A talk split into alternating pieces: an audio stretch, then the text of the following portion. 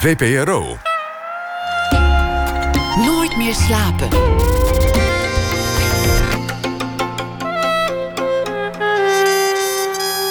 Met Pieter van der Wielen. Goedenacht en welkom bij Nooit meer slapen. Als er één vraag is die mijn gast zichzelf en anderen vaak heeft gesteld, dan was het wel deze: How did I get here? En dat is een vraag die mij ook op de lippen brandt en velen met mij. Hoe de fuck zijn we hier beland? In welke B-film zijn we met z'n allen terechtgekomen? Tegenover mij John Schorl. Hij is schrijver, dichter, onderzoeksjournalist, interviewer. En ooit, het lijkt alweer lang geleden, was zijn journalistieke motto: ga erop uit. Ga weg, maak er een uitje van.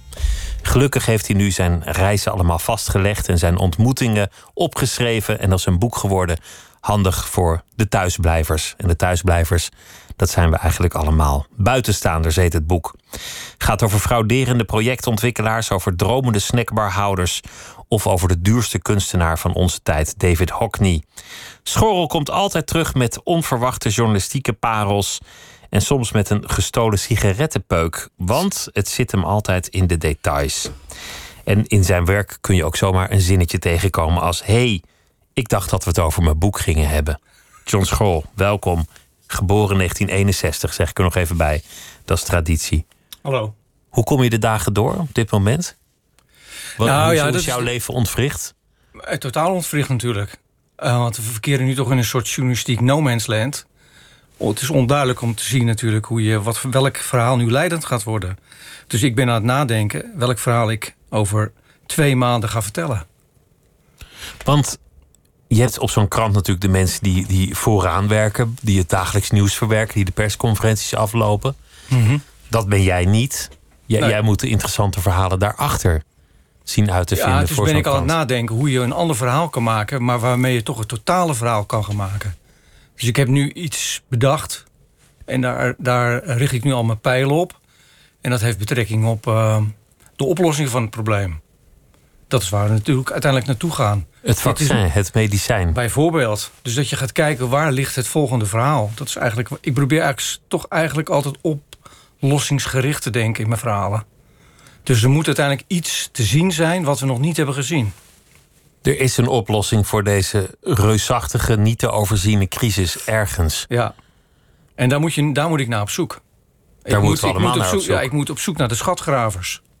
Dus ik moet erbij zijn als uiteindelijk iemand de eerste schep in de grond zet en het, eh, eh, het kistje tevoorschijn haalt, opent. En ik mag als enige zien wat hij heeft gevonden. Je stelt jezelf een enorme ambitie. dat is toch ook mooi? er spreekt ook een enorme nieuwsgierigheid uit. Ja. Je bent alweer benieuwd naar wat, wat het volgende wordt. En, en je ziet toch wel ergens een klein sprankje licht. Nee, ja, maar dat is natuurlijk ook, mijn- vind ik, mijn verplichting als eh, verslaggever. Is dat je uiteindelijk vooruit moet gaan denken. Want als je allemaal tegelijkertijd gaat, hetzelfde gaat doen... en gaat interpreteren wat er nu gebeurt... dan lijkt alles op elkaar. En dat, vind ik, dat lijkt me namelijk niet de bedoeling van mijn vak. Je moet elke keer iets laten zien wat, al- wat, je, eh, wat alle mensen nog niet hebben gezien. Als je begrijpt wat ik bedoel. Ik begrijp wat je bedoelt. Hoe, hoe is je leven verder beïnvloed? Doe je mee aan het thuisblijven? Vermijd je contact? Hou je aan richtlijnen en, en andere beperkingen? Nou kun ja, je- het kun je werk nog doen?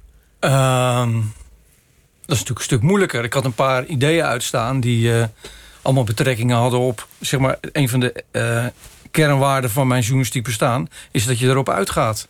En nu kan ik er niet op uitgaan, want iedereen vermijdt contact. Dus dat is voor mij een probleem. Ik had een heel goed plan om eh, een verhaal te maken in Amerika. Dat wordt nu ook moeilijk.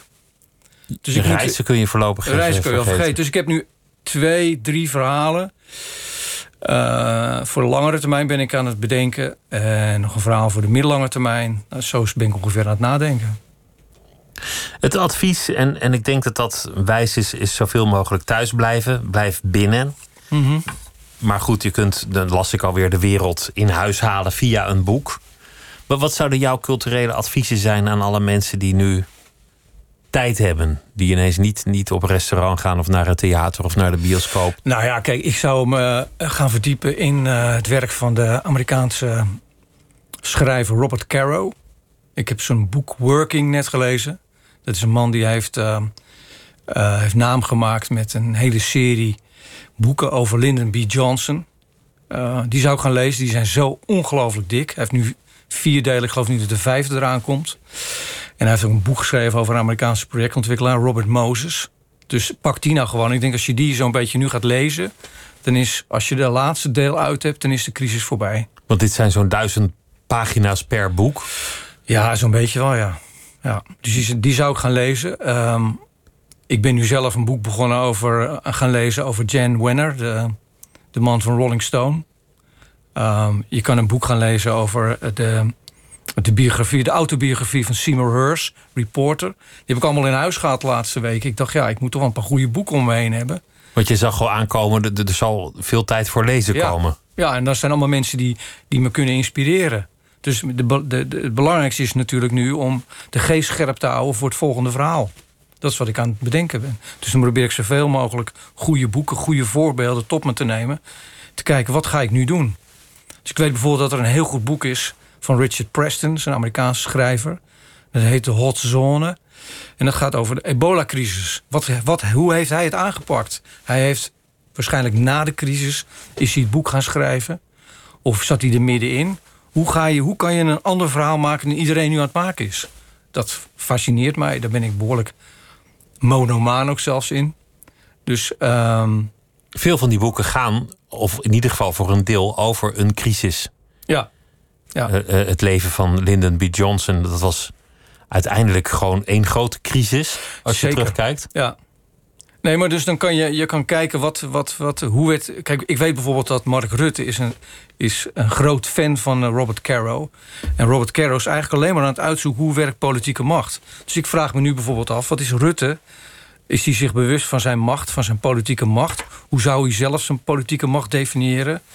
Um, Caro was, was, die wilde weten hoe het toch komt dat zo'n boerenkinkel uit Texas uiteindelijk in uh, de president van Amerika is geworden. Hoe heeft dat hele proces in elkaar gezeten? En dat, we, dat is wat, wat, wat Rutte nu ook aan het, aan het doen is. Die, is. die is zichzelf aan het transformeren. Die probeert van zichzelf een staatsman te maken. Dat zag je ook aan die show gisteren op tv.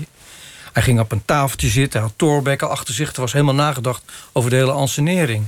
Ja, had je de indruk dat er over na was gedacht? Ja, enorm. Hij ik, wist ik gewoon... Dacht, hij... Ik dacht, ruim je bureau eens op. Nee, nee. Hij had, volgens mij, je kan nog inzoomen denk op al die plekken. Die cd's die stonden er allemaal met een reden. Het was mij iets te goed georganiseerd. Dat maakt ook niet uit. Maar ik denk dat hij zich opeens bewust was... dat hij een heel erg moment had van... u bevindt zich hier. Hij wist dat hij een historische toespraak ging houden.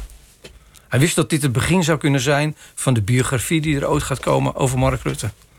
Dit is het moment hij. dat zijn leven zal definiëren uiteindelijk. Ja. Ja, en hij weet dat omdat hij Caro heeft gelezen. Dat was maar echt mijn. Uh, die, die heeft ze altijd, die, die beschrijft altijd de meest essentiële momenten in de loopbaan van, van, van, van Johnson. En ik weet dus, nou ja, ik had het idee dat Rutte daar zich van bewust was. Misschien net zo interessant zijn de artsen die vooraan staan, de deskundigen die het voor het zeggen krijgen, de mensen van het RIVM die met voor- en achternaam genoemd worden ineens. Ja. Dat zijn mensen die voorheen een relatief rustige baan hadden en ineens aan de knoppen draaien. Ja. ja. Die daar misschien nooit voor gekozen hebben om in zo'n positie te komen. Of misschien daar zelfs wel helemaal niet op geselecteerd zijn. Nee, nee die maken een uh, enorme doorstart als mens en als verschijning. Die moeten nu meer zijn dan alleen een wetenschapper. Die moeten een, die moeten een verhaal vertellen. Die moeten elke dag weer duiden wat er aan de hand is. Dat vergt natuurlijk enorm veel van die mensen. Met heel weinig informatie en een virus dat niemand kent. Exact, ja. ja. Laten we het hebben over jouw, jouw eigen werk. Over, over jouw manier van werken. Is er een methode? Is er een methode school? Zou, zou je nee, dat zo kunnen omschrijven? Nee. Helemaal niet. En heb je dan, bedoel je dan mijn, mijn, de manier waarop ik het opschrijf? De, de keuze van mijn onderwerpen? Als jij erop uitgaat om, om zo'n interview te maken... Er, er staan meer, meerdere interviews in je boek. Heb je dan van tevoren al een eerste vraag, een eerste zin, een, een opening? Nee, eigenlijk nooit. Nee, dat hangt er heel erg vanaf. Kijk, als ik, ik, om te beginnen... Kijk, toen ik vorig jaar naar David Hockney ging... de fameuze Engelse schilder... toen had ik natuurlijk wel een plan. Want ik uh, wist niet wat er ging gebeuren. Ik wist alleen maar dat ik een mogelijk een uur... misschien wel anderhalf uur, hem zou kunnen spreken... maar ik zou niet weten waar. Dus op een gegeven moment uh, hadden we die toezegging gehad. En toen kwam ik in Amerika aan. En toen waren de eerste twee dagen... was het nog volstrekt onduidelijk. En toen werd eigenlijk... Werd ik kreeg een, een berichtje van uh, het management... dat hij beschikbaar was. Dat, we, dat, ik, dat ik bij zijn huis mocht komen. En uh, dat hij heel graag wilde dat, dat we eerst een tentoonstelling zagen. Oké, dus dat betekende vanaf dat moment... Hè, had ik een soort, soort bevestiging dat ik mee ging doen met hem. Dat was het enige wat ik wist. En dat is wat jij wil? Je wil dat er iets gebeurt terwijl jij daar bent met hem? Ja. Jullie moeten samen iets meemaken. Nou ja, dat hoeft niet, maar dat kan, als dat gebeurt... dan ben ik natuurlijk, zorg, zorg ik natuurlijk wel dat ik erbij ben. Maar wat natuurlijk heel belangrijk is... kijk, stel dat ik maar een, uh, alleen die autorit heb... en ik heb alleen de autorit naar Venice Beach... dus vanuit de Hollywood Hills naar Venice Beach... Um, stel je nu voor dat uh, hij niet heel veel vertelt of hij uh, heeft er geen zin in. Dus ik moet zorgen dat alles wat er in die auto gebeurt, dat ik dat kan duiden. Dus, dus je moet alles weten over die man. Precies. Om dus te beginnen. Oké, okay, dus hij gaat rijden. Hij heeft een gehoorapparaat in. Dus hij kan mij bijna niet verstaan achterin. Uh, naast hem zit Gregory. Wie is die man? Dat is zijn manager. Dat is een man die al heel lang bij hem is. Dat is een ex-geliefde. Dat is een man die aan de, aan de doop is geweest. Die, die uh, um, hem altijd heeft geholpen.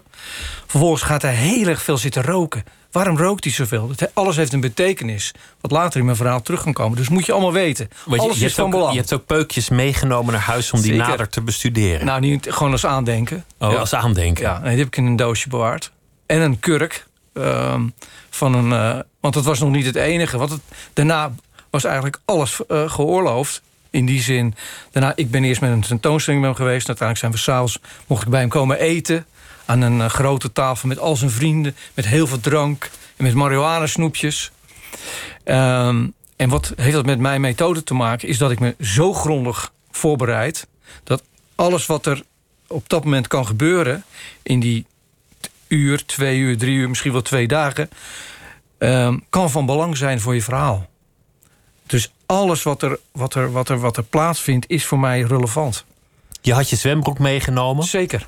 Want zijn, een van zijn beroemdste werken heet A Bigger Splash. Ja. Dus, ik dus dacht, jij dacht, dan moet ik dat zwembad in. Ja, dan wil ik natuurlijk een bommetje maken. Maar het was natuurlijk ontzettend, was ontzettend slecht weer. En uh, dus we zijn helemaal nooit bij het zwembad geweest. Maar ik dacht natuurlijk, ja, dat beroemde, beroemde schilderij van hem. Dat moet ik, ik moet daar zijn, ik moet het zwembad zien. Ik moet alles in levende lijven kunnen zien. Dat was wel aan mijn opzet, ja. Het, het moment waarop jij hem interviewde was ook nog eens bijzonder. Hij werd op dat moment geëerd met tentoonstellingen. Ja. Er was het nieuws dat hij de, de duurst levende kunstenaar, althans zijn werken zijn het duurst, van onze tijd is. Ja. Dus, dus volgens de wetten van het kapitaal de meest succesvolle, meest gewilde kunstenaar. Ja. En dan heb je ook nog een kunstenaar die daar eigenlijk niet zo blij mee is. Die daar niet zoveel mee heeft. Nee. Dus hij wist het, zeg maar, dit was uh, een half jaar nadat hij dat had gehoord. En ik wilde natuurlijk, hij had zich nog nergens hierover uitgelaten, al die tijd. Hij had zich ook helemaal nergens laten interviewen. Hij laat zich bijna nooit interviewen. Pas toen hij naar Nederland daarna kwam, liet hij zich wat vaker interviewen. Maar, um, dus ik wilde vooral weten, hoe heeft hij het ooit, hoe is hij, hoe heeft hij het ooit gehoord? Waar was hij toen hij hoorde dat hij de duurste kunstenaar op aarde was? Dus dat is dan een dat is wel een soort vraag die in mijn achterhoofd zit. Die moet op een gegeven moment gesteld worden. Die moet op een gegeven moment op tafel komen. En dan moet hij het natuurlijk precies kunnen reconstrueren. Wat nou, ik nooit zal vergeten is dat hij uiteindelijk naar het veilinghuis belt... en zegt, mag ik weten wie er ja. zoveel betaald heeft? Ja. En dan zegt ze, nee, dat is privacy, dat mag je niet weten. Ja. En dan zegt maar het is mijn schilderij. Ik heb het gemaakt. Ja, ja ongelooflijk. Ja, hij had er gewoon, zeg maar... Uh, um, nadat hij het gemaakt had, is het verkocht voor een schijntje. En dan heb je er geen enkele invloed meer op. Dus hij wilde weten aan wie, bij wie het schilderij terecht was gekomen. Maar ik kreeg het niet te horen. Wie hij was des er 60 duivels. miljoen voor zo'n doek? Ja, hij was nog steeds des duivels. En volgens hem was dit een, uh, uh, het bewijs dat de hele kunstwereld niet deugt. En vervolgens ging hij over tot de orde van de dag en werd het glas geheven. En uh, vond, was hij het alweer vergeten. Want hij vermoedde dat er, dat er geld wit werd gewassen of zoiets. Nou, nee, hij dacht eigenlijk dat het van tevoren gewoon allemaal bedacht is. Hoe dit zou gaan verlopen. Dus hij dacht dat het gewoon een scam was. Zoals de hele kunsthandel is in zijn ogen. Die veiling ja. was een scam? Ja, dat gewoon van tevoren is bedacht. Dit wordt de prijs. Ja. En ik denk wel dat hij gelijk had. De anekdote die ook in het interview zat, is dat hij bij een van de eigenaren van zijn, van zijn werken langsliep s'avonds. Ja. Daar in Hollywood. En dat hij dan naar binnen ging om even naar zijn eigen schilderij te kijken. in de hoop dat zijn hond op het tapijt zou pissen. Ja, allebei de honden. Ja, hij, heeft twee, had toen twee tackles. En hij had toen een huis in Malibu. En hij liep dan even naar het huis van David Geffen, de beroemde platenbaas, een filmproducent. En uh, ging hij even naar het schilderij kijken. En, dan maande hij altijd die twee tackles om vooral. Dus hij uh, liet ze onderweg uh, uh, niet piezen, maar uh, hoopte dat die honden het vast zouden houden om daar op het tapijt van David Geffen te piezen. Ja, dat zijn typische Hockney-grappen eigenlijk altijd wel. Wat jij in jouw gesprekken doet, het zijn geen interviews, vraag-antwoord. Nee. Eigenlijk niet. Nooit. Jij zelf komt er ook niet in voor, nauwelijks. Nee. Niet ik was hier of Nee. ik was daar, dat, Nee. dat, dat doen we niet. Nee. Je pakt de toon van de geïnterviewde en daarin schrijf je zelf wat er gebeurt. Dus jij schrijft een reportage met de mond van degene die je geïnterviewd hebt. Ja, klopt.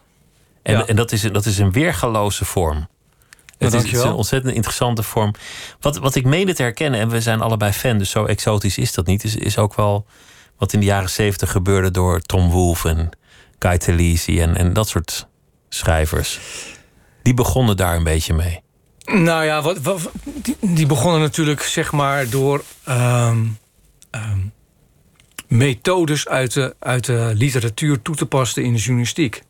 Dat is wat ze zijn gaan doen. Ehm, kijk, Thalys, die las ooit een eh, verhaal over een, nee, over een jockey. En die was zo mager dat je de carbonade die hij had gegeten... nog eh, door zijn ribbenkast kon zien. En hij zei, zo wil ik schrijven. Dus dat je altijd in een, in een reportage precies opschrijft wat er aan de hand is, in detail. En dat allemaal kan gebruiken voor een verhaal. Maar bij mij is het niet zo dat ik heb gedacht... oh, daar heb je Tom Wolf. Of daar heb je, hey, daar heb je Kate Lees. En ik wil zo mij die methode eigen maken. Want het is niet eigenlijk één methode. Uiteindelijk is dat niet zo te distilleren wat, nee, nee, wat, echt wat de totaal truc niet. is. Nee. Nee, bij mij is het eigenlijk gewoon zo ge- gegroeid. En uiteindelijk bleek later dat er zeg maar zoiets bestaat als new journalism. En eh, dat die mensen die eh, zeg maar eh, de journalistiek en literatuur op zo'n manier mengen, eh, dat die prachtige verhalen hebben gemaakt. Maar het is niet zo dat ik altijd met een soort boek van Tom Wolfe of Kate Lees in mijn achterzak die verhalen heb bedacht. Dat zou ook niet gewerkt hebben. Nee, lijkt me ook niet. Nee, Je hebt ze allebei geïnterviewd, zeker. deze helden. Ja, ja. Nou ja, Thalys, dat is zeg maar... eh, ehm, die heb ik ontmoet op 6 april 2016. Het was zeg maar een van de meest glorieuze dagen uit mijn journalistieke loopbaan. Omdat hij natuurlijk ehm, een van mijn helden is. Maar bovendien had ik om ehm 12 uur die dag... had ik een lunch met Marky Ramone. De enige nog levende lid van de Ramones. De drummer, meen ik. De drummer, ja. En, en eh, ik heb zeg maar ook een verhaal met hem gemaakt die dag. Dus eerst heb ik spaghetti met hem ge- gegeten. Vervolgens ben ik na dat interview... heb ik de metro genomen naar een eh, Central Park. Toen ben ik naar zijn huis toe gelopen. Toen ben ik al voor zijn huis gaan staan. Ik heb daar zeker een half uur alleen maar staan staren. Toen ben ik naar ergens koffie gaan drinken. Ik dacht, wauw, wat gaat er nu gebeuren? Dus op een gegeven moment was het zover. En ik doe het hekje open. En de deur, oh, ik bel aan en de deur gaat open. En Thalys staat er niet, maar iemand anders die ik niet kende. En ik werd naar boven gemaakt en uiteindelijk zat hij daar in zijn werkkamertje. De grote Thalys. Nou, dat was zo grappig en zo bijzonder. Maar wat er toen gebeurde... ehm, ik had die afspraak heel lang van tevoren gemaakt. Ik stond namelijk een dag onder, een- op, een ochtend stond ik onder de douche. Ik dacht, wie zou ik nog graag willen interviewen? Ik dacht, Lies, ik ga het gewoon proberen. Maar toen het zover was, dus die 6 april 2016... toen had net de dag daarvoor eh, had hij een verhaal gepubliceerd in de New Yorker. Over een man die eh, een motel had met maar één reden... om zijn cliëntelen te eh, be- eh, begluren als zij de daad verrichten. En dat verhaal, had, dat, dat zorgde voor een soort storm. Maar dat wist ik niet van tevoren. Dus ik trof hem in het oog van de storm. Dat, dat Oude verhaal is, is, is viral gegaan omdat er Ja. ook uiteindelijk weer allemaal bodems achter bleken te zitten. Het, het verhaal dat was, was een verhaal waar in elke keer als je dacht te hebben, leek er weer een verhaal. Eigenlijk gluurde iedereen. Maar, de, maar dat, was, Iedereen. dat was alleen nog maar het verhaal. Later is het ook een boek geworden, hè, De Voyeur. En hij was op dat moment... Dus ik kwam binnen en toen hing hij aan de telefoon... met Gerald Fo- Foef, heeft hij geloof ik. Die Voyeur zelf. En die was natuurlijk bang geworden omdat het nu allemaal geopenbaard was. En iedereen wilde Teliers hebben. En ik zat daar toevallig. En er stond een cameraploeg. Er waren mensen ook bezig met een documentaire. Nou, die is later ook op Netflix gekomen. Maar ik had dus een soort plan ehm, voor die dag. Dus eerst eh, eh, lunchen met Marky Ramone. En dan met Gatorlies naar de New York Yankees. Dat leek me namelijk een, lijkt me een mooie besteding. Want ik, ik had ook bedacht die dag... ehm, om de korte stop van de New York Yankees te ontmoeten. Die moest die dag spelen. Eh, maar eh, ik kreeg van, te tevoren te horen dat het maar vijf minuten zou zijn. Toen heb ik gezegd, nou, dat lijkt me, een dat lijkt me niks. Maar vindt u het wel goed als ik een gast meeneem? Gay Thalys. Ja, natuurlijk, dat was goed. Dus ik ben uiteindelijk... eh, heeft Thalys eh, alles opzij geschoven. Wij hebben de metro genomen. En we zijn naar de Yankees gegaan. Nou, dat was natuurlijk een fantastische gebeurtenis. Om, in het, om met hem mee te lopen door de metro. Hoe die met mensen omgaat. Hoe die iedereen aanspreekt. Net die- op het moment dat hij in het oog van een storm Ja. staat. omdat hij zijn grootste scoop uit zijn loopbaan heeft. Precies. En ik, was, en, en, ik liep met hem mee en, en, en die, wapperende, of die wapperende jas... en die had de hand op zijn, eh, op, zijn, op zijn hoed.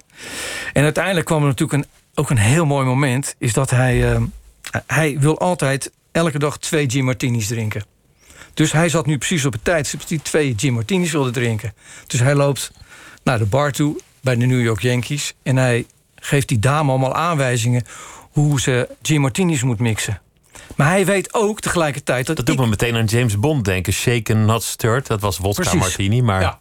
Eh, eh, ongeveer hetzelfde, maar hij weet ook dat zijn allergrootste verhaal wat hij ooit heeft gemaakt, eh, eh, Frank Sinatra had a, has a cold, had a cold, dat begint met Sinatra die aan de bar staat en die gaat drinken. Dus hij is op een gegeven moment transformeerde hij eigenlijk naar een personage in mijn verhaal.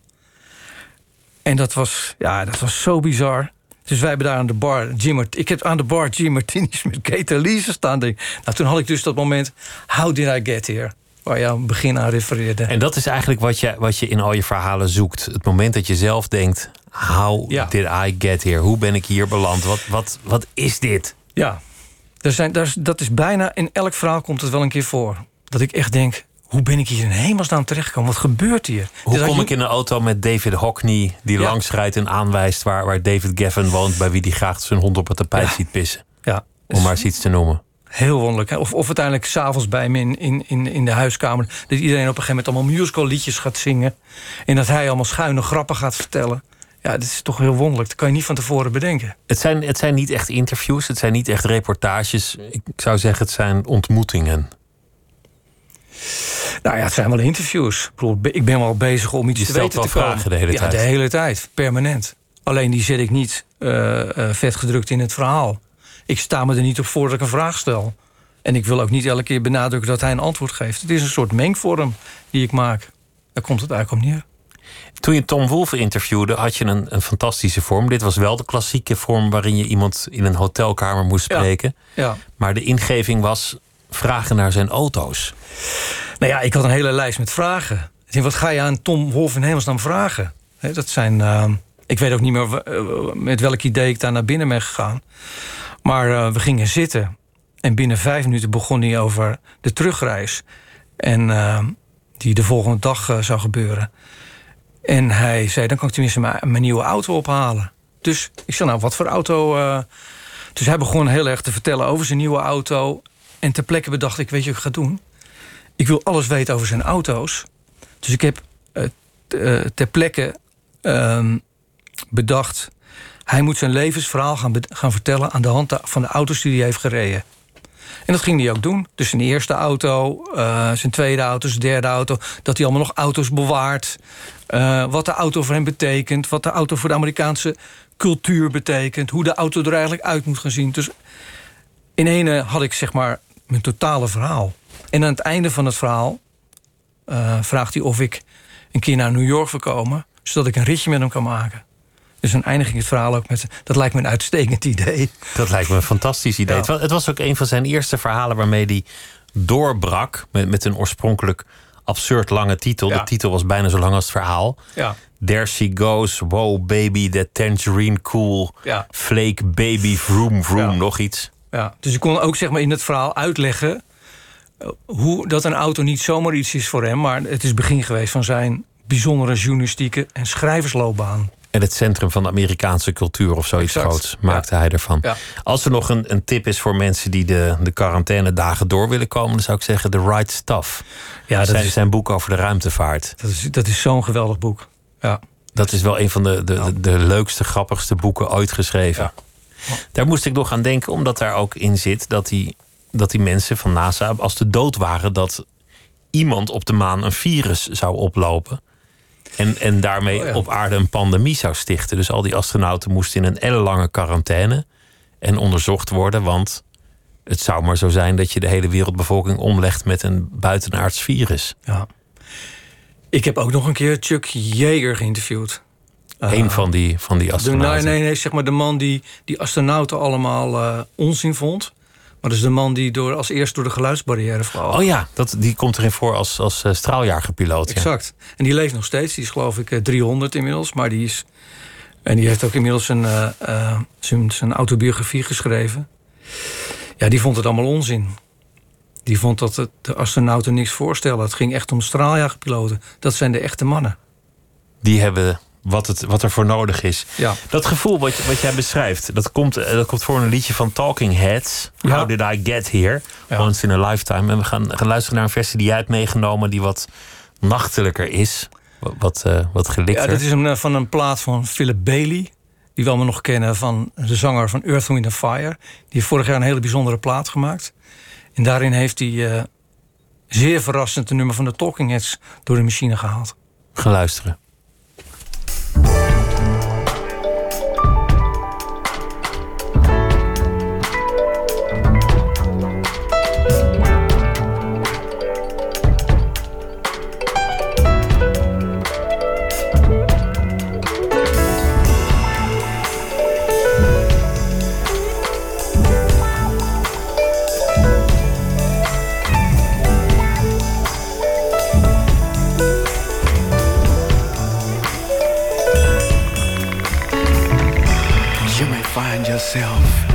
Living in a shotgun shack, and you may find yourself in another part of the world, and you may find yourself behind the wheel of a large automobile, and you may find yourself in a beautiful house with a beautiful wife, and you may ask yourself, well, how did I get here?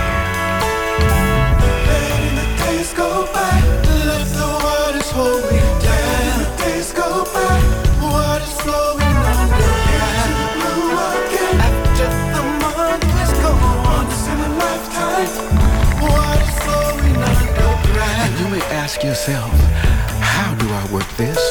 And you may ask yourself, where is that large automobile? And you may tell yourself, this is not my beautiful house. And you may tell yourself, this is not my beautiful wife. The days go by, let the waters hold me down. The days go by,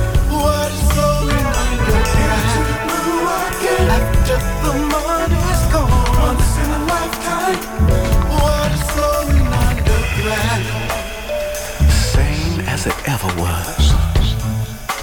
Same as it ever was. Same as it ever was. It's the same. Letting the days go by, let the waters hold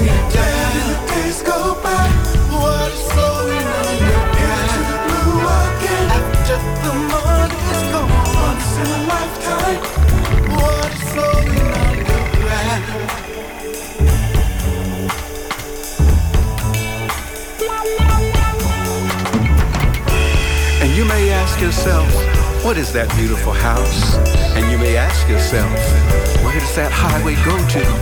And you may ask yourself, am I right or am I wrong? And you may say to yourself, my God.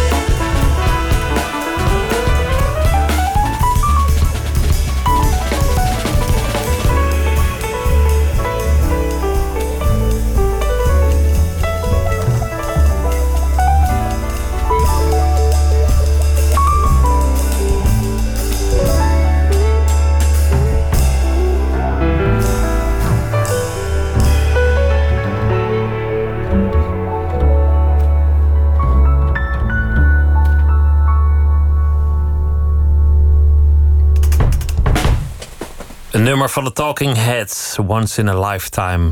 En dit in de versie van Philip Bailey, uitgekozen door mijn eh, gast John Schorrel. Die een eh, boek heeft geschreven met eh, interviews. Buitenstaanders heet dat boek. En het zinnetje waar het hier over gaat is... How did I get here? Nou noem je toch interviews. Ja, omdat jij zei, het zijn toch uiteindelijk wel interviews. Het zijn gesprekken. gesprekken. Hoe ben je eigenlijk daarin terechtgekomen? Want, want je, hebt, je hebt toch aardig wat omwegen bewandeld. Je, je doet ook meerdere dingen. Echte onderzoeksjournalistiek. Je schrijft gedichten. Gewoon meer eh, journalistiek, hand- en spanwerk. Reportages heb je ook wel gedaan. Alles. Nieuws. Alles eigenlijk gedaan. Ja. Nieuws. Een, een opleiding tot geschiedenisleraar aangegaan. Ik weet niet of je die ook voltooid hebt. maar Nee, ja, wel voltooid, maar ik heb nooit voor de klas gestaan.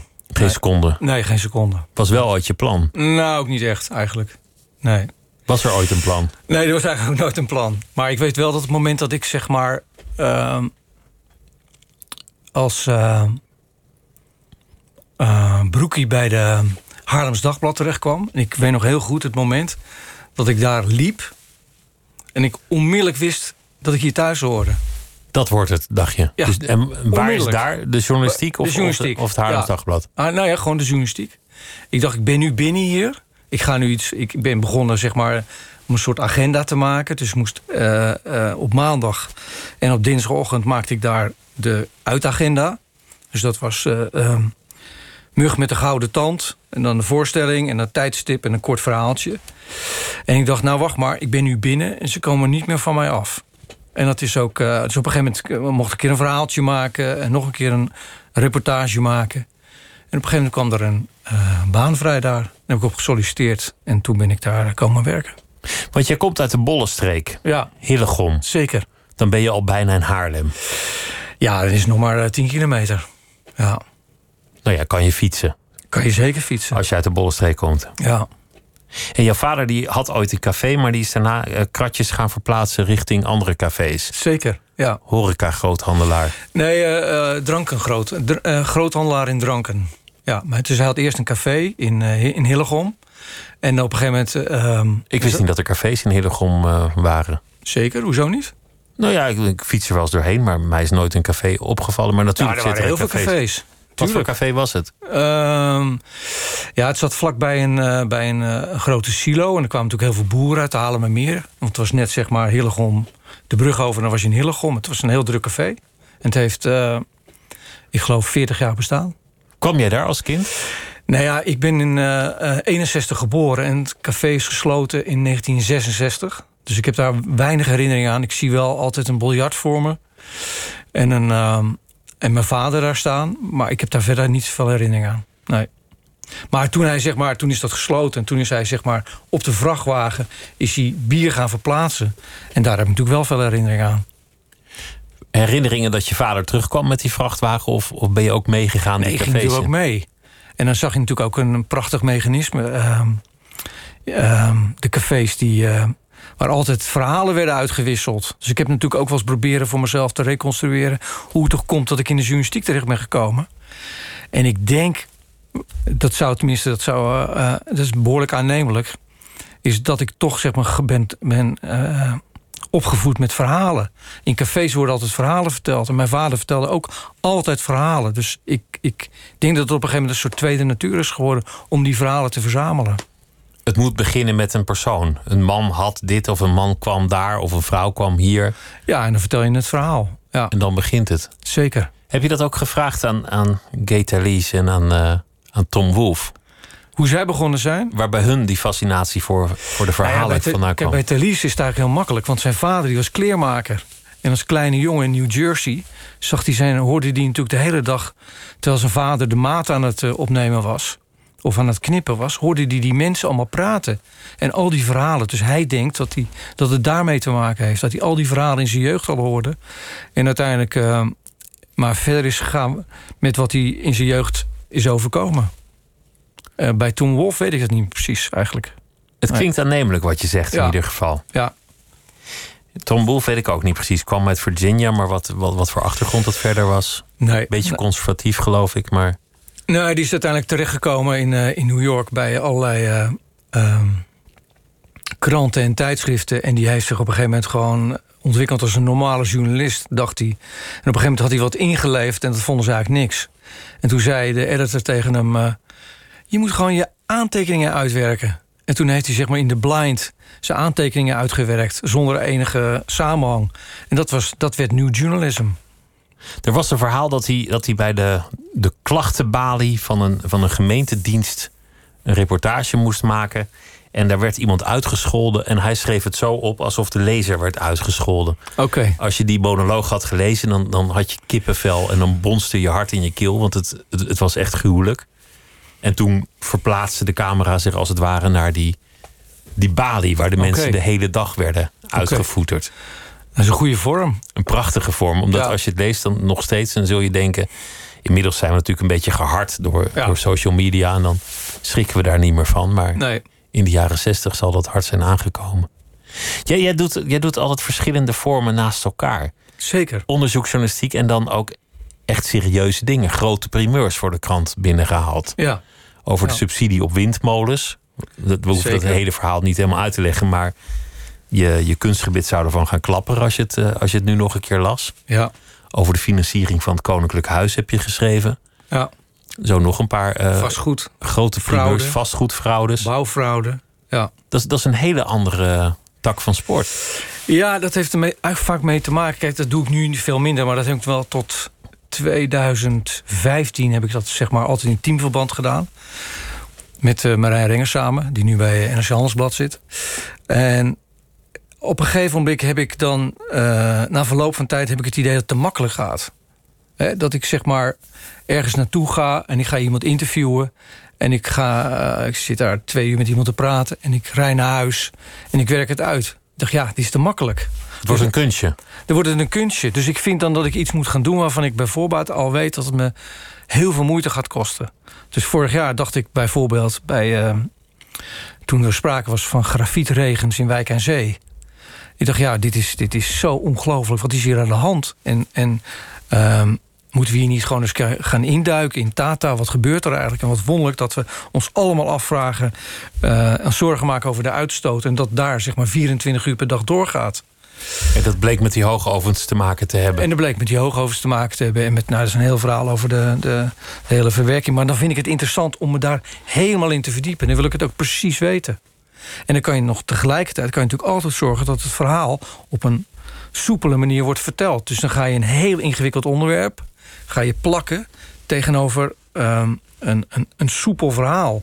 Zoals ik ook doe in nou, wat allemaal in buitenstaande staat. In die zin is het wel dezelfde kunst uiteindelijk. Uiteindelijk wel. Alleen de, de, het vergaren van de feiten is ingewikkelder. En gedichten schrijf je ook. Zeker. Weer een Ja. heel andere hoek. Ja. Ja, dit is op een gegeven moment ook een keer gebeurd. En dan, kijk, ik ben eigenlijk al, denk ik, sinds de jaren negentig een enorme fan van de zestigers. Dus de, de vaandrager, sleutelaar, eh, schippers, Bernlef. En mede daardoor geïnspireerd ben ik aan het dichten ooit geslagen, ja. ja. En je schrijft nu ook eh, over publieke figuren. Schrijf je gedichten? Ja, Onder, onder andere namen. Ik Onder weet, ik weet andere niet of ik, of ik dat mag verraden. nee, dat is niet zo relevant. Nee. Nee, zou ik het niet doen. Maar Nee, goed, doe je, je, je, schrijft ook poëzie. Mhm. Was er ooit iemand in jouw omgeving waar je vandaan kwam? Toch, toch meer een praktische omgeving? Je, je vader die dan met een vrachtwagen rijdt met, met bier. Ja. Die had kunnen dromen dat jij dichter, schrijver, journalist, journalist zou worden. Nee, dat hebben natuurlijk ook vaak zich afgevraagd waar het allemaal vandaan komt. Want er werd bij, er werd bij ons eigenlijk. eh, nou, mijn vader las wel heel, veel, meestal over de Tweede Wereldoorlog.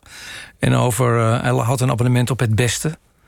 Als, als je dat nog iets zegt. Reader's Digest. Een soort, een soort literaire leesmap was dat. Nou, dat is wel eh, heel groot gezegd. Het beste, dat was gewoon een soort, soort, ja, een soort blad wat mensen in, zeg maar in de jaren zeventig kregen. En daar was hij op geabonneerd. Dus ik ben wel opgevoed met zeg maar, het lezen van boeken, maar niet in een soort journalistieke traditie. Ja, we hadden de Volkskrant thuis. Als keurige katholieken. Nou, net, Dus dat was heel goed. net de krant toch? Een hele nette krant, ja. En ik las daarin eigenlijk alleen de sport. En heel soms over muziek, als er een stukje in stond over muziek. Maar meer eigenlijk ook niet. Dus het heeft bij mij ook heel lang geduurd... voordat ik zeg maar, geïnteresseerd raakte in literatuur of in lezen. Ik denk dat ik voor mijn twintigste amper een boek heb gelezen. Voelde je ooit dat als achterstand of juist als voordeel toen je in, in de journalistiek kwam te werken? Ehm, Want ik weet niet hoe dat bij de rest van de Volkskrant zit, maar dat zullen toch, toch allemaal wel mensen uit een, uit een geschoolde omgeving zijn. Nou ja, kijk, kijk, vroeger was het natuurlijk zo dat als je de journalistiek kwam, dan kon je ook zeg maar de leraaropleiding hebben gedaan of uit het niets jezelf het hebben aangeleerd. Tegenwoordig is dat bijna ondenkbaar. Dus je ziet zeg maar mensen, jonge mensen bij ons op de krant, die zijn, ja, die hebben soms in Berkeley gestudeerd of in, eh, eh, eh, in Parijs of, of soms twee studies gedaan. Dus die zijn veel meer onderlegd.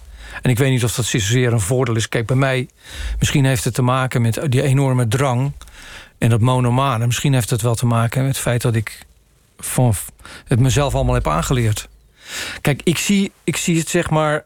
Soms heb je een onderwerp, daar schrijf je een gedicht over. Soms duik je in het diepe met een onderzoeksverhaal. En soms beschrijf je een verhaal eh, eh, over een ontmoeting. Het is voor mij allemaal hetzelfde. Ik zie ook geen onderscheid eigenlijk. Het hoort allemaal bij mij.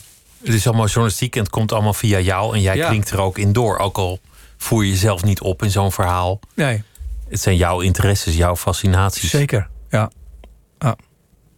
En dan doe je ook nog muziek. En dat, dat vind ik dan wel een mooi contrast met een, een gifschandaal bij Tata Steel. En dan even later een, een, een stuk over je muzikale helden. Ja. Bijna alsof je de verlichting zoekt na, na het zware verhaal. Nee, maar dat is ook echt zo. Dat is, zeker toen ik eh, in, de, in de vastgoedfraude zat en in de bouwfraude. Kijk, dan ben je heel lang bezig met, met een verhaal, soms twee maanden. En had je in de tussentijd kon je dus geen verhaal schrijven. Dus ik, voor mijn gevoel stond ik dan droog. Dan bedacht ik zeg maar een verhaal, een muziekverhaal... wat ik even snel kon maken om zeg maar ook mijn eh, romantische ziel te voeden. En ook om gewoon te schrijven. Om, Ook om dat, te schrijven, weet je. vingers te Nou ja, ook omdat je iets gaat doen wat, wat, wat zeg maar romantisch van aard is. Iets moois, iets, eh, eh, iemand ontmoeten die iets, iets mooie muziek maakt... en die mooi verhaal, mooi verhaal heeft te vertellen. Anders ben je alleen maar bezig met de, met de slechtheid van de mens. Dus een vastgoedfraudeur of een bouwfraudeur of whatever. Maar het is interessanter om uiteindelijk ook iets te laten zien... wat, heel, wat enorme schoonheid kent. Het is te makkelijk om alleen maar lelijke dingen te laten zien. En een krant staat vol met lelijke dingen, Zeker. uiteindelijk. Heel veel, ja. En dan is muziek een van de schone dingen die je toch in een krant kunt krijgen. Nou ja, dan kan je iets, iets opbeurends laten zien. En kijk, en, en, en voor mij... eh, kijk, ik ben enorm geïnteresseerd in muziek. En ik zie heel veel verhalen in muziek. En je ziet zeg maar dat de muziekjournalistiek is eigenlijk... heeft vaak verbinding met een nieuwe plaat die uitkomt. Of een optreden. Maar je kan ook zeg maar op een andere manier verhalen daarover vertellen. Zonder, dat het allemaal los staat van de agenda of van hotelkamers. En dat heb ik natuurlijk altijd, probeer ik eigenlijk altijd te doen.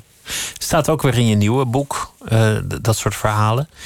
Philippe Catherine is een, eh, een gitarist die ooit voor jou in een kamer speelde. Het, is een ontzettend goede jazzgitarist. Heeft met Chet Baker gespeeld in, in de nadagen van Chet Baker. Treedt nog steeds op. Is Zeker. nog steeds eh, actief. Ja. Hij woont in Brussel of in Parijs. Hebben we ook Nee, Brussel, Brussel, Brussel-Zuid. Ja, tegenover het station. En, en, en hoe was het verhaal dat hij ineens voor jou zit te spelen? Ehm, nou, ik kwam zijn eh, appartement binnen. En ehm, dat was volgens mij ergens in de ochtend. En hetzelfde wat ik dacht bij Tom Wolf... dat ik een verhaal ga maken aan de hand van zijn auto's. Ik dacht, ik wil een verhaal gaan maken aan de hand van zijn gitaren. Want er hingen eraan wel dertig. Dus hij ging één voor één, ging die al die gitaren, ging die benoemen. Deze heb ik van, Toet Stiele- of van de weduwe van Toet Stielemans eh, gekregen. Deze heb ik toen gekocht, die heb ik toen gekocht. En tussendoor hingen ook allemaal foto's. Dit is Chet Baker, eh, dit is een andere jazzmuzikant, dit is Jack Sells, dit is enzovoort enzovoort. En toen op een gegeven moment pakte hij een van zijn eh gitaren eraf. Ja, hier, deze heb ik gisteren nog gebruikt. Want ik ben, eh hij was volgens mij een soort bossa nova nummer aan het oefenen. En ehm, ik vroeg hem op een gegeven moment of hij eh, een nummer voor mij wilde spelen. En eh, een van zijn laatste platen, die heet Old Folks. Daarin doet hij een nummer van Paul McCartney. Jenny Wren. En dat is zo ongelooflijk mooi. En hij ging dat spelen uit het hoofd. Zo dat is dat is zo'n moment van, eh, hoe ben ik hier nou weer Ja, beland? dit heb ik, ik heb het nog gevraagd. Hij had ook nee kunnen zeggen. Misschien had ik dat niet moeten vragen om, om, om de, de werkelijkheid niet te veel te sturen. Maar hij ging het spelen. En het was, ja, het was prachtig. Het was zo mooi. Laten we luisteren naar eh Philippe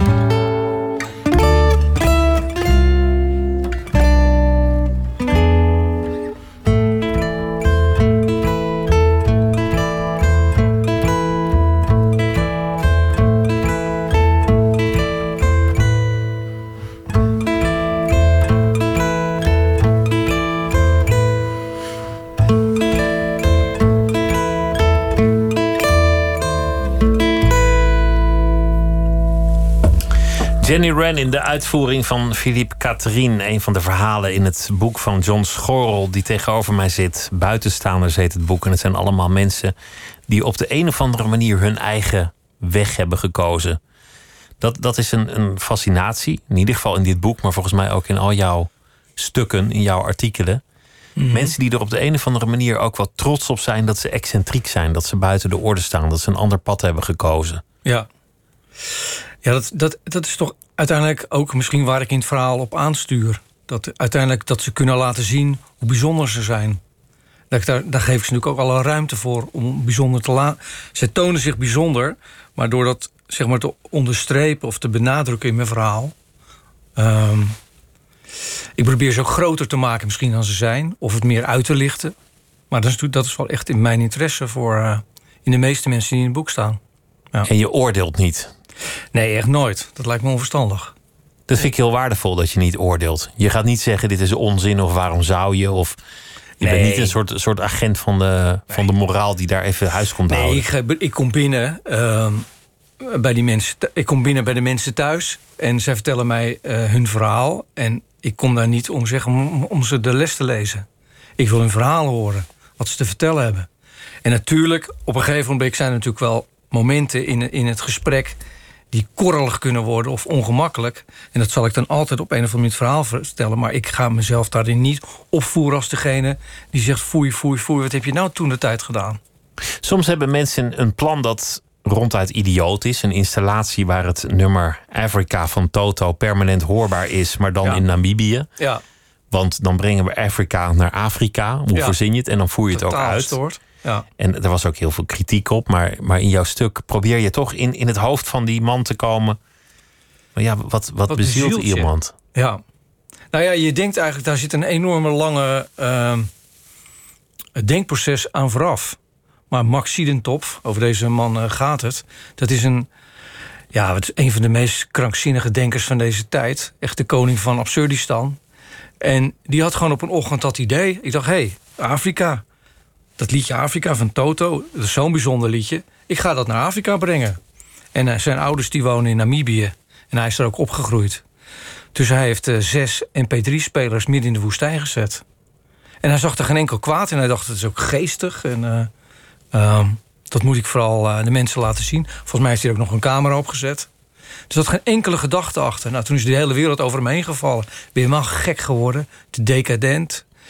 En uiteindelijk eh, heeft hij niks te gedaan. Voor mij staan ze er nog, denk ik, die eh, MP3-spelers. Nou ja, er is, er is wel meer rotzooi naar Afrika gebracht. Dus ik Zeker. kan er ook nog Ja. wel bij. Ja. Een mp3-spelertje. Ja. En het is een leuk liedje, vind ik. Dus, dus waarom niet? Ook de man die, die wereldvrede wil bewerkstelligen... met een machine die misverstanden voor eens en voor altijd doet verdwijnen. Ja, dat was wel een, een van de meest wonderlijke ontmoetingen denk ik, uit het boek. Ehm, want ik kende deze man helemaal niet. Ik denk dat niemand deze man kende. Ik vond een eh, bericht in het eh, Financieel Dagblad... over een man die zei dat hij de vredesmachine had uitgevonden. Ik dacht, of gaat uitvinden, of hij is in ieder geval daarmee bezig. Dus ik heb contact gezocht met die man. En ik dacht... ehm, en hij zegt, kom maar. Dus ik heb een vliegtuig genomen naar, eh, naar Helsinki. En eh, daar stond die man op de gang van het universiteitsgebouw. Ik dacht, nou, nu gaan we het zien. Ik had ook... Het was zo wonderlijk, hij deed die deur open... van de kamer waarin hij, waarin hij werkt aan die vredesmachine. Maar ik had toch een soort professor Barabbas-achtig gevoel. Ik dacht, er staat daar een enorme machine... of, of een, allemaal computers of allemaal data-apparaten. Maar er stond helemaal niks. Een concept, dat was het. Het een was idee. een concept. Hij had alleen maar geeltjes op de muur geplakt. En meer had hij niet gedaan. En toch werd het een ontroerend verhaal... omdat hij vertelde over zijn jeugd Ja. en over zijn moeder. Uiteindelijk zei hij, zei hij tegen mij van... eh, ik heb dit wel moeten maken. Ehm, nee, hij zei op een gegeven moment in, in het gesprek... hij zei van, je moet alles van me weten... wil je begrijpen waarom ik die vredesmachine heb bedacht. En toen vertelde hij over de zelfmoord van zijn moeder. Dus dat het zeg maar... dat heeft hem toen de tijd zo uit zijn schoenen geschopt... dat hij eigenlijk geen enkel menselijk contact meer wilde hebben... maar alleen maar op zoek gaan, ging naar robots... die hem zouden moeten gaan helpen. En eh, die vredesmachine was een soort afgeleide daarvan. Kunstmatige intelligentie ging ons helpen en echte directe menselijke liefde niet.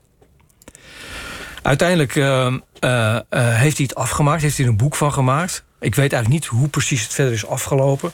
Maar het meest wonderlijke eigenlijk vond ik, is dat het, het, en dat is ook het cruciale moment voor mijn gevoel in het verhaal, is dat hij vertelde dat het idee tot hem was gekomen, of dat hij het verder heeft uitgewerkt, bij een Chinese familie. Waar hij ehm, bijna elke dag kwam. Dat was het uh, Chinees restaurant, het heette Familie. Het was gewoon een doorsnee afhaal Chinees. En daar ging hij zitten met zijn idee en hij ging praten met de zoon. Ehm, en hij vond dat hele gezin, dat vond hij zo'n toonbeeld van, van, van, van, eh, van liefde en van vrede. Dus hij dacht van, ik wil eigenlijk dat iedereen zo wordt zoals die Chinese familie. Een merkwaardig mooie romanticus. Maar, maar de gedachte is eigenlijk best, best aardig. Als, als je zegt rechtvaardigheid, dan bedoelen we allemaal iets anders. Als je een computer zou hebben die de taal zou kunnen ontleden... dat we in ieder geval het over hetzelfde hebben Ja. als concept... ja. dat zou al heel wat vrede veroorzaken. Ja, dus hij zei, hij wilde, wat hij dus feitelijk wilde, was de verwarring weg, wegnemen. Dat we allemaal hetzelfde begrijpen op hetzelfde moment. En dat was, zijn, dat was uiteindelijk zijn idee. Dat is een mooie droom die Ja. hij daar eh Hele mooie droom. Ja. Een heel boek vol met eh, buitenstaanders en eh, dwarsdenkers en, en andere hoogvliegers in het boek van John je wel dat je langs wilde komen en vertellen. En ik wens je heel veel succes met het zoeken naar het definitieve verhaal over deze pandemie. En ik hoop dat je het zult vinden. Het moment dat de eerste schep de grond in ging richting een oplossing. Jij wilt erbij zijn en ik wil het lezen. Dank je wel dat je langs wilde komen. Jo. En morgen dan is er weer een aflevering van Nooit meer slapen. En zometeen op NPO Radio 1 kunt u luisteren naar eh, Miss Podcast met Misha Blok. Ik wens u een hele goede nacht.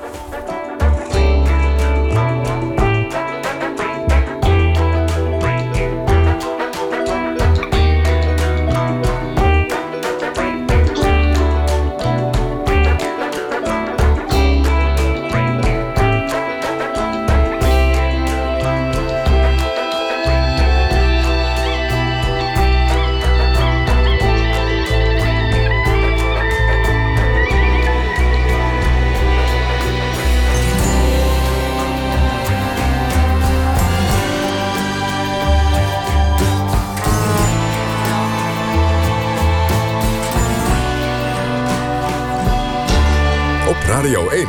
Het nieuws van alle kanten.